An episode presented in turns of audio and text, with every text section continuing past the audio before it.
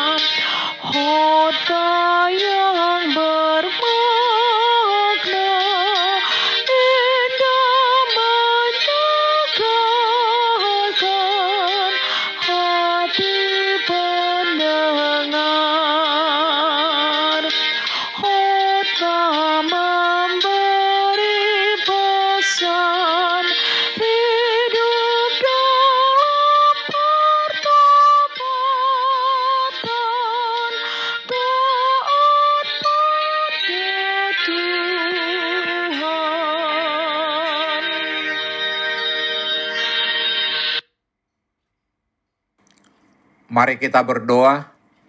Tuhan Yesus, di pagi hari ini kami hendak mendengarkan dan merenungkan firman-Mu.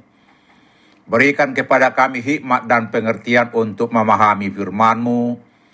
Dan tolong kami Tuhan untuk melakukan firman-Mu dalam kehidupan kami. Amin. Saudara-saudara yang dikasihi Tuhan Yesus, firman Tuhan untuk kita renungkan di pagi hari ini terambil dari 1 Petrus 1 ayat 23 dengan tema lahir kembali dari benih yang tidak fana demikian firman Tuhan.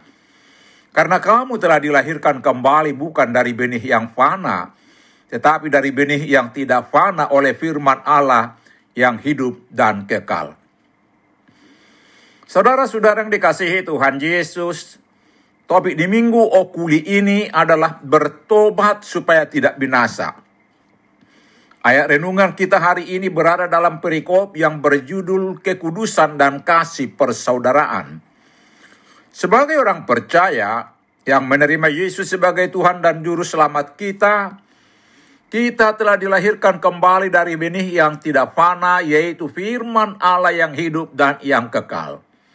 Artinya, di dalam Kristus yang rela berkorban mati di kayu salib untuk menebus kita, kita telah dihidupkan, berpindah dari kematian menuju hidup.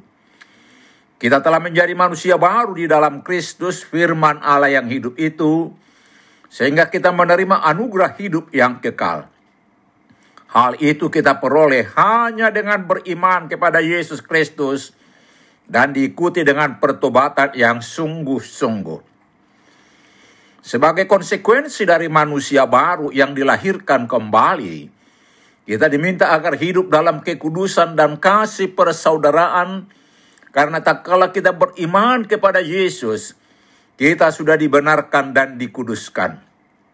Karena itu, marilah kita berjalan bersama dengan Tuhan Yesus yang memampukan kita hidup kudus Biarlah kasih Kristus mendorong kita untuk membuktikan buah pertobatan kita dengan menunjukkan kasih persaudaraan. Hanya dalam kebersamaan dengan Kristus, maka kita mampu melakukannya. Saudara-saudara yang dikasihi Tuhan Yesus, kita telah dihidupkan kembali oleh benih yang tidak fana, yaitu firman Allah yang hidup. Karena itu, marilah kita terus merenungkan firman Allah, agar iman percaya kita semakin diteguhkan. Marilah kita terus memperkatakannya, dan marilah kita menjadi pelaku firman Tuhan. Maka Tuhan Yesus akan menolong kita hidup dalam kekudusan dan kasih persaudaraan. Amin. Mari kita berdoa. Terima kasih Tuhan Yesus, kami dilahirkan kembali karena kami percaya kepadamu. Mampukan kami untuk hidup kudus dan menunjukkan kasih persaudaraan oleh kasih karuniamu. Amin. Tuhan Yesus memberkati kita.